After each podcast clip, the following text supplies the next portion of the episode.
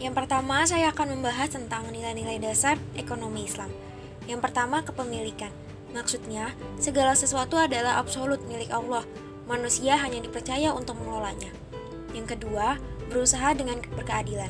Maksudnya, mencegah penumpukan harta melalui dorongan untuk menafkahkan sebagian hartanya untuk kepentingan sosial dan publik. Yang ketiga, bekerja sama dalam kebaikan. Tolong menolong misalnya, bahkan dalam kompetisi sekalipun.